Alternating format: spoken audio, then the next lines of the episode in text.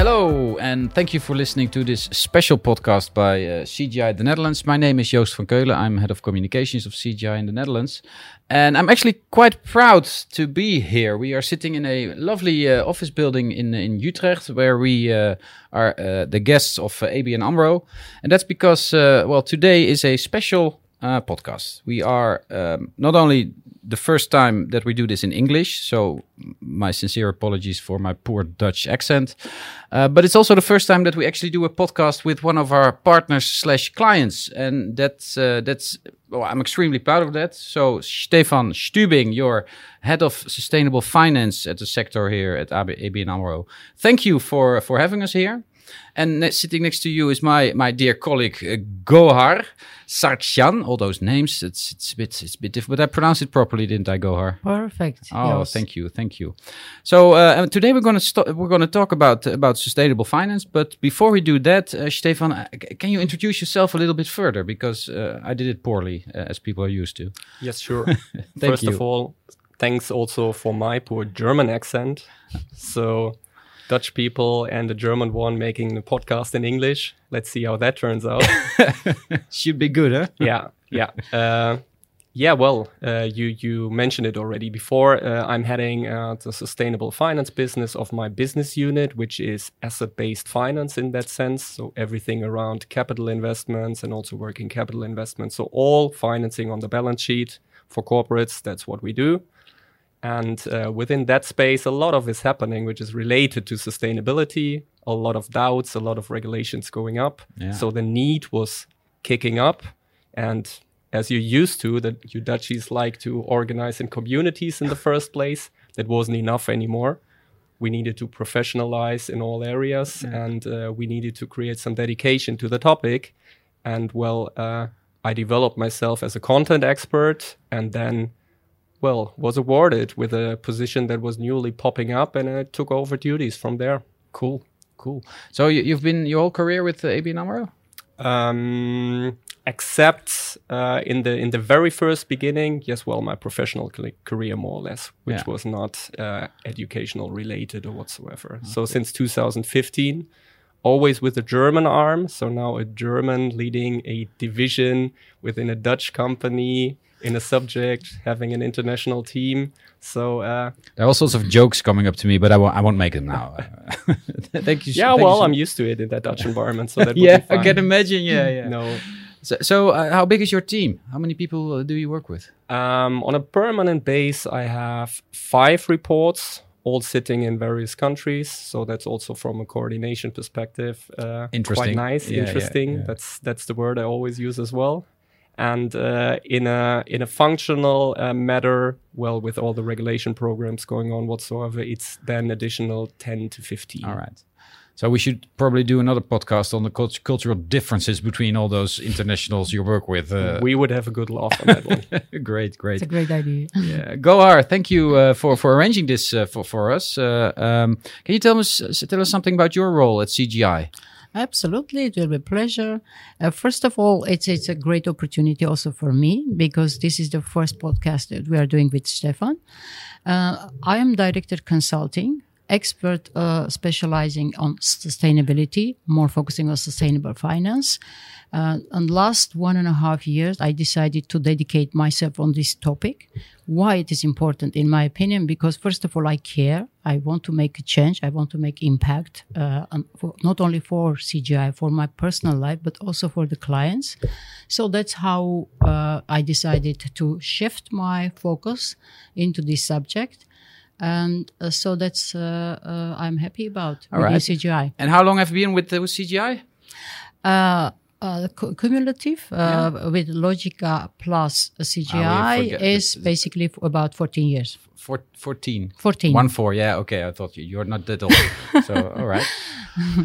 All right. So we're going to talk about sustainable finance. Um, sustainability is a, is a very big and, and very broad topic, of course, and there's a lot of uh, well, you, you can put any sector has to deal has to deal with with sustainability as well. So how is the is the the financial sector dealing with it? What are the topics? What are the issues you're you're faced with, uh, uh, Stefan? Yeah, I think uh, in order to to understand the bigger picture, I don't want to make it too wide. Uh, no worries on that one.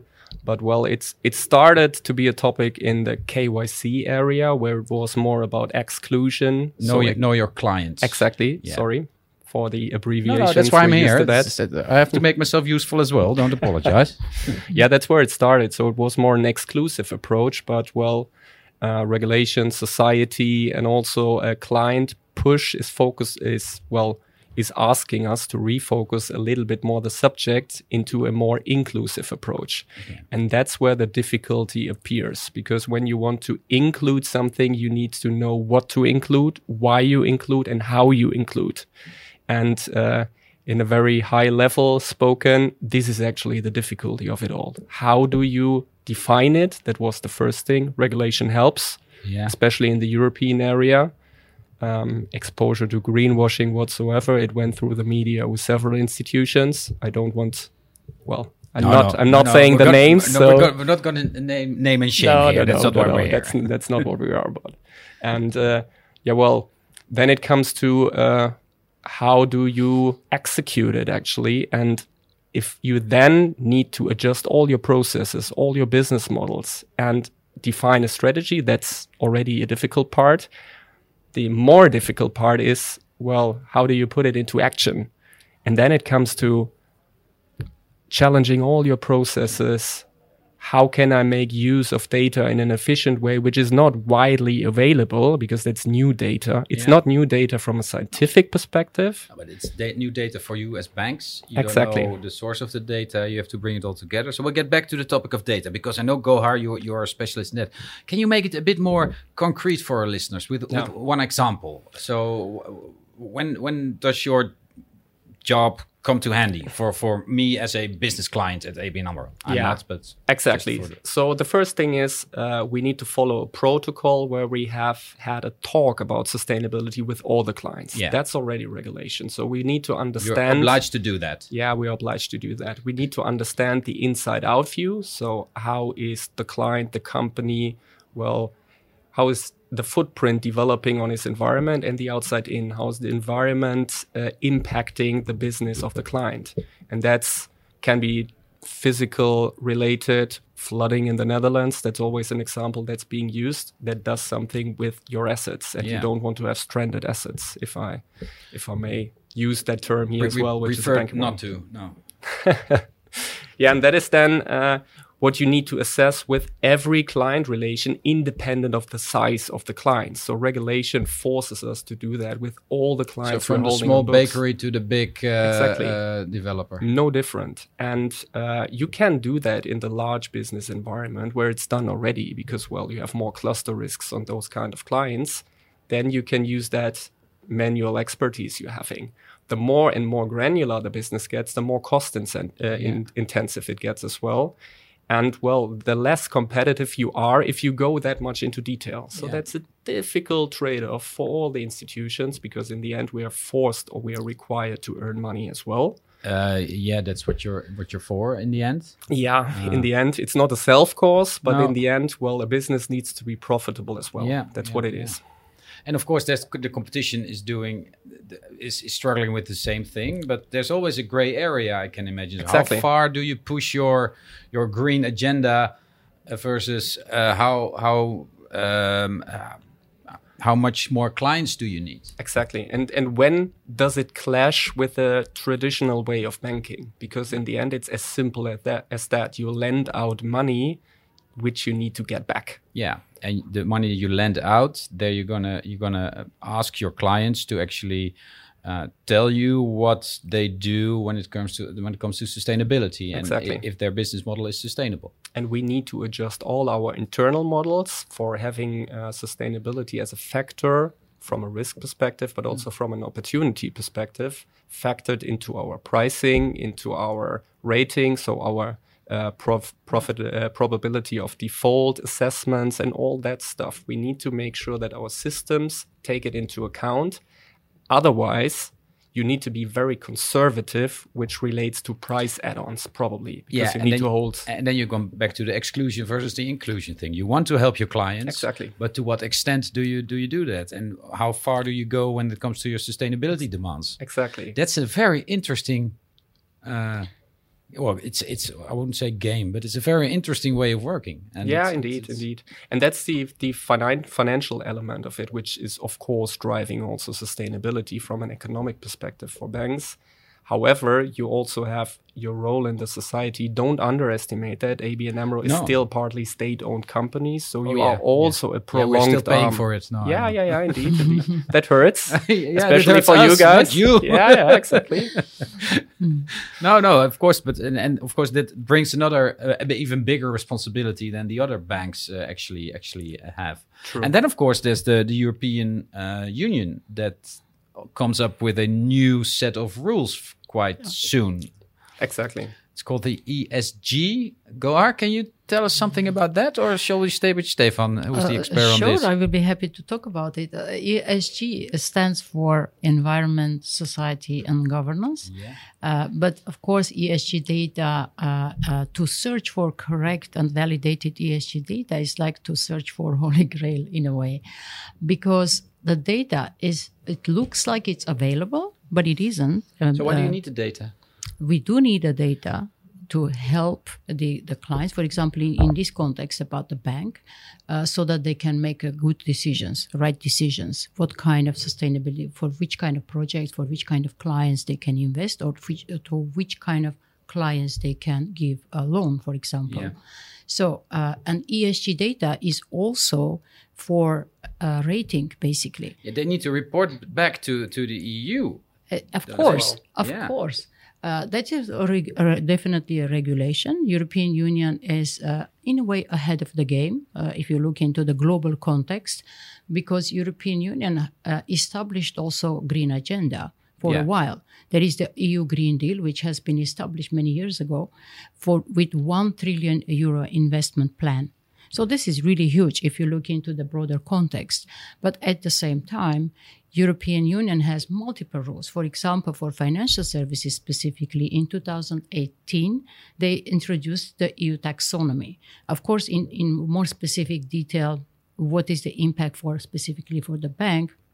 Stefan will know a little bit better, but from our perspective, from a CGI perspective, that's that a lot of opportunities is coming with regard to IT company because there will be the platforms, there will be the migrations, there will be all kinds of green IT that we can contribute from our perspective Yeah. but also about let's say strategic advisory uh, to help in the thought process for the for the Yeah, bank for, for CGI and yeah, all IT course, it's companies, fantastic. it's, it's fantastic. Yeah, absolutely. but for the bank, I don't know if it's that, it's that also great. in a way There's a lot of work to be done there, Mm. uh, Stefan, isn't there?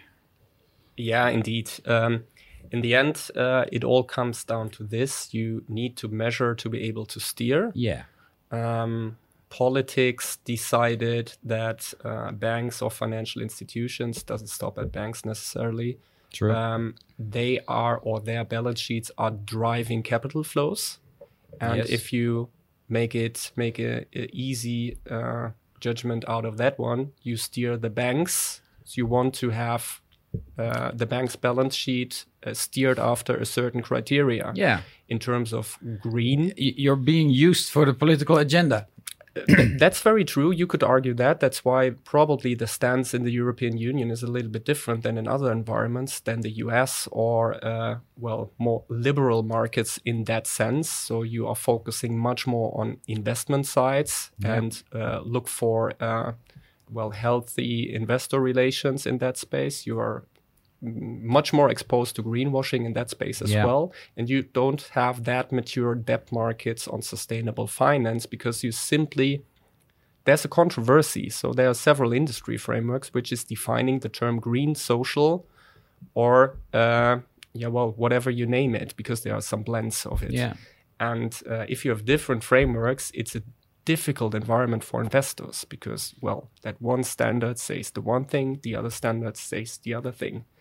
Um, getting back to ESG in that context, for us, it's most of the times a risk management framework. Yeah. Because it gives you the tools to measure sustainability in its pillars, Yeah. which is divided to E, S, and G.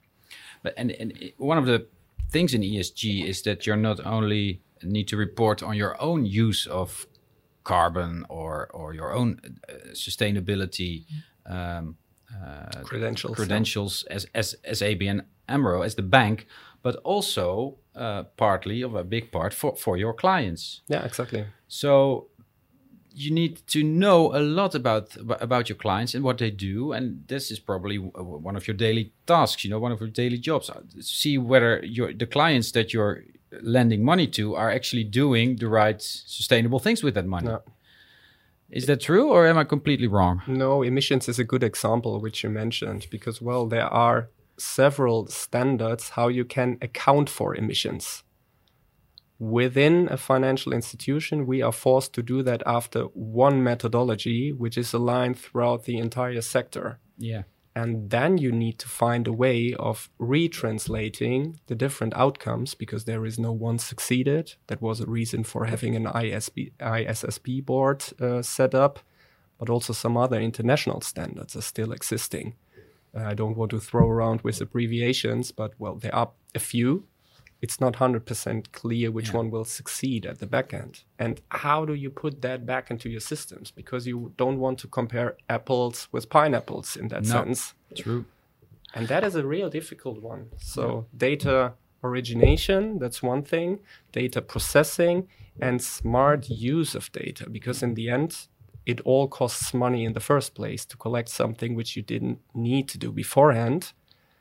You are punished with capital requirements, additional ones. You're- if you you're don't do it, blessed with capital. yeah, you ah, okay. depends on depends on the Depends angle on- you're yeah, yeah, asking, yeah, but yeah. yeah. that's what it is. Go Yeah. on. Go on. I, I just want to add something else as well. Uh, ESG data uh, and the ESG scoring of the organizations does not necessarily, let's say if the organization has high score, it doesn't necessarily mean that they are providing very positive impact to the environment. All right. This is really interesting one. Why?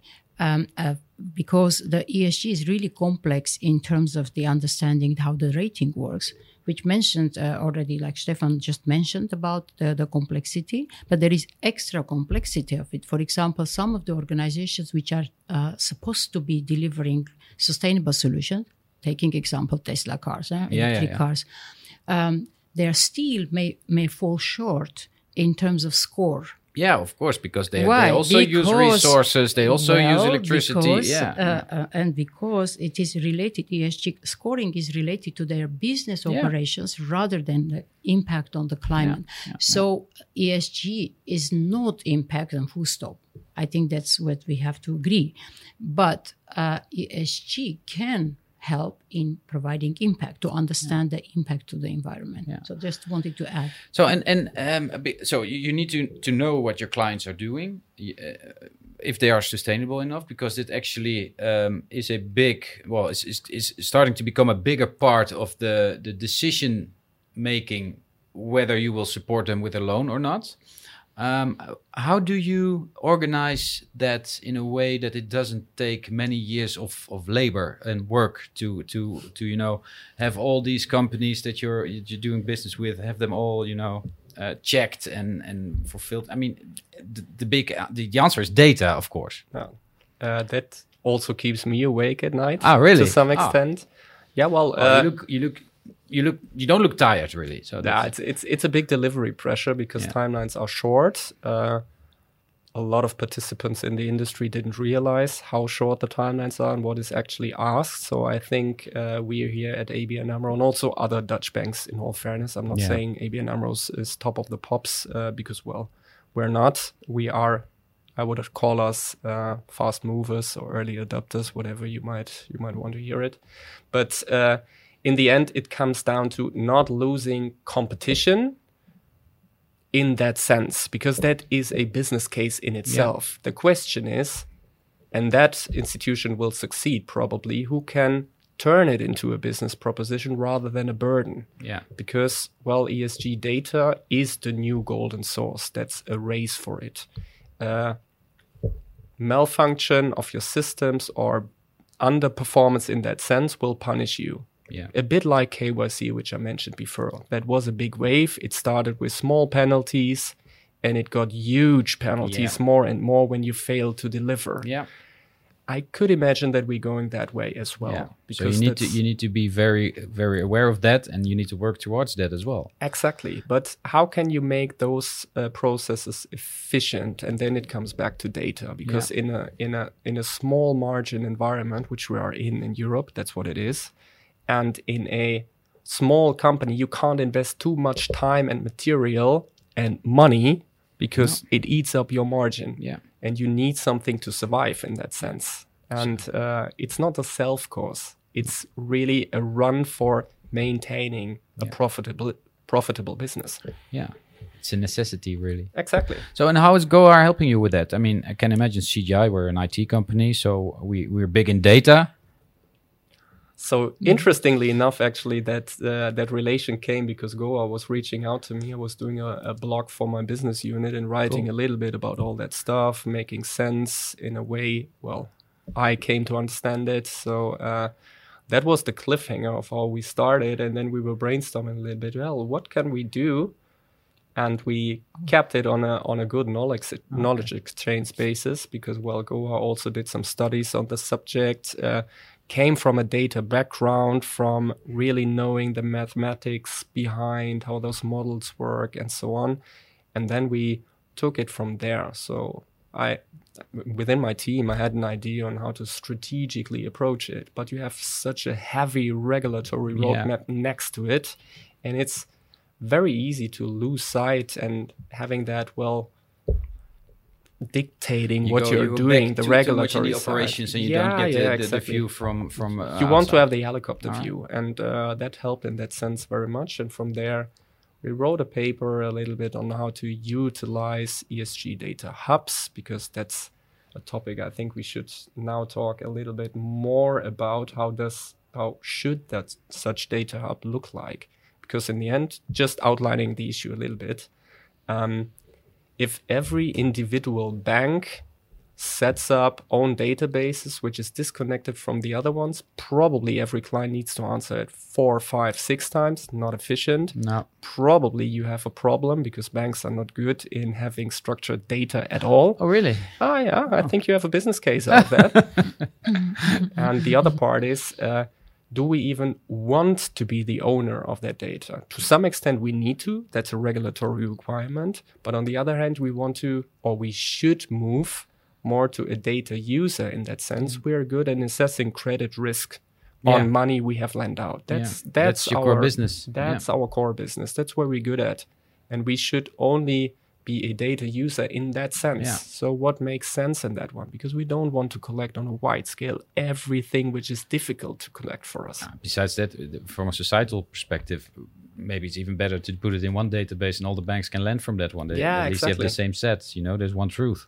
And this morning I was driving around here in the Utrecht area and I was seeing the with that. flags put upside down. I was I was thinking we're in Serbia first of all, and then a colleague was saying to me, "Yeah, well, all kinds of Oh, struggles." that's an interesting point. I'm gonna gonna surprise you with a question on that later. Um, uh, Gohar, um, do you see this happening? This this how do you call it? Uh, how would we call it? This this platform with where all the data comes is combined and I am definitely uh, because it, it is the solution. That's the way we we, we started from brain, brainstorming, like uh, uh, starting from the partnership collaboration point of view, and uh, provided contribution also the uh, framework of the, strategy framework for the sustainable finance, and uh, that's one of the key things cross uh, uh, sector and cross partnership collaboration is needed to exchange the ESG data because it is impossible to reach alone. It is Im- okay. The banks have uh, uh, own data basically. Uh, CGI can also help them with specific, uh, uh, so many things, of course, uh, with regard to IT company, our competencies in Yeah. consulting advisory. Uh, however, it's not enough because the ESG uh, context itself is much broader and it, it requires the whole range of partnerships and uh, uh, uh, engaging the in, even governmental organizations, in the Dutch government, Yes. European government. So the whole supply chain should be engaged, and they need to be also willing to share. Of course, in the capitalist world, it is a little bit sensitive to share data because it's also seen as money. Today is is uh, uh, basically the new gold, The huh? new gold, Yeah, yeah. indeed. Uh, and uh, Bing, the- one of the- alert. uh, okay, one of the important things we, we are thinking that ESG data is the new business model, not only for CGI, but also for the banks. Yeah. It's about transformation process. So, uh, and we do see uh, it's coming. European Union is already putting uh, regulations that it has to be shared, at least among Yeah. the European organizations. Uh, but of course, uh, there is some steps to take, and we are happy to be in this process of transformation because there are lots of business opportunities for all parties. Thanks. I like to put a buzzword on it. Oh, That's okay. a minimum viable ecosystem, and the ecosystem doesn't work at all if not a minimum required parties are part of it, and that's what it is. Because banks want to sh- don't want to share data with each other. That is No. holding back. Yeah. Clients start to ask questions. Why should we share data with all banks individually? That's the other need, and the ecosystem is of course a bit wider. Most of the data is in control of the equipment manufacturers itself, which you want to extract. So, a lot of things, coming back to the agricultural example, uh, if you have, well, a machinery and equipment in that sense, probably the data that my business unit wants to have is how much emission does that thing produce? Yeah. Do we get that data? Only if we ask the client. Yeah. Most of the times, that client doesn't even know. We don't have access to the equipment manufacturing No. data because we can't give an incentive to that one. No. You need to find the right incentive, or you need to have all understand the value of a joint ecosystem in that one. And that is the golden, the golden piece in it. Yeah. You need to do it together and you need to be open and transparent, I think, to some extent. And it Um, sounds so logical, but it's so yeah. far from reality. Yeah, I, I can imagine.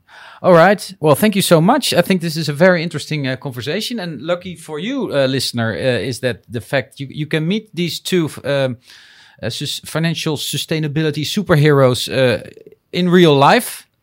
Um, because this year the the Sibos is, is is in Amsterdam, and Sibos is the biggest financial services event in the world. I could say that. Yes. Yes. And and uh, Gohar and Stefan are actually doing a workshop or a talk on this uh, uh, on this event on October 11th uh, in Amsterdam. So if you want to meet them in person and you have your you want to discuss with them, or if you have a loan coming up, you can ask Stefan, of course, what you what you what you need to do. Um, thank you so much for this uh, interesting uh, podcast. It was pleasure. It was good. Huh? Thanks for having us. Yeah, well, it uh, it was my pleasure. Uh, you, thank you for listen uh, for for listening. Uh, if you want to know anything about uh, uh, sustainable finance, you can contact uh, me or uh, Gohar or Stefan. And uh, uh, well, we hope to uh, that that you will listen uh, to the next uh, to to our next podcast. Thank you so much, and uh, see you soon. Bye bye.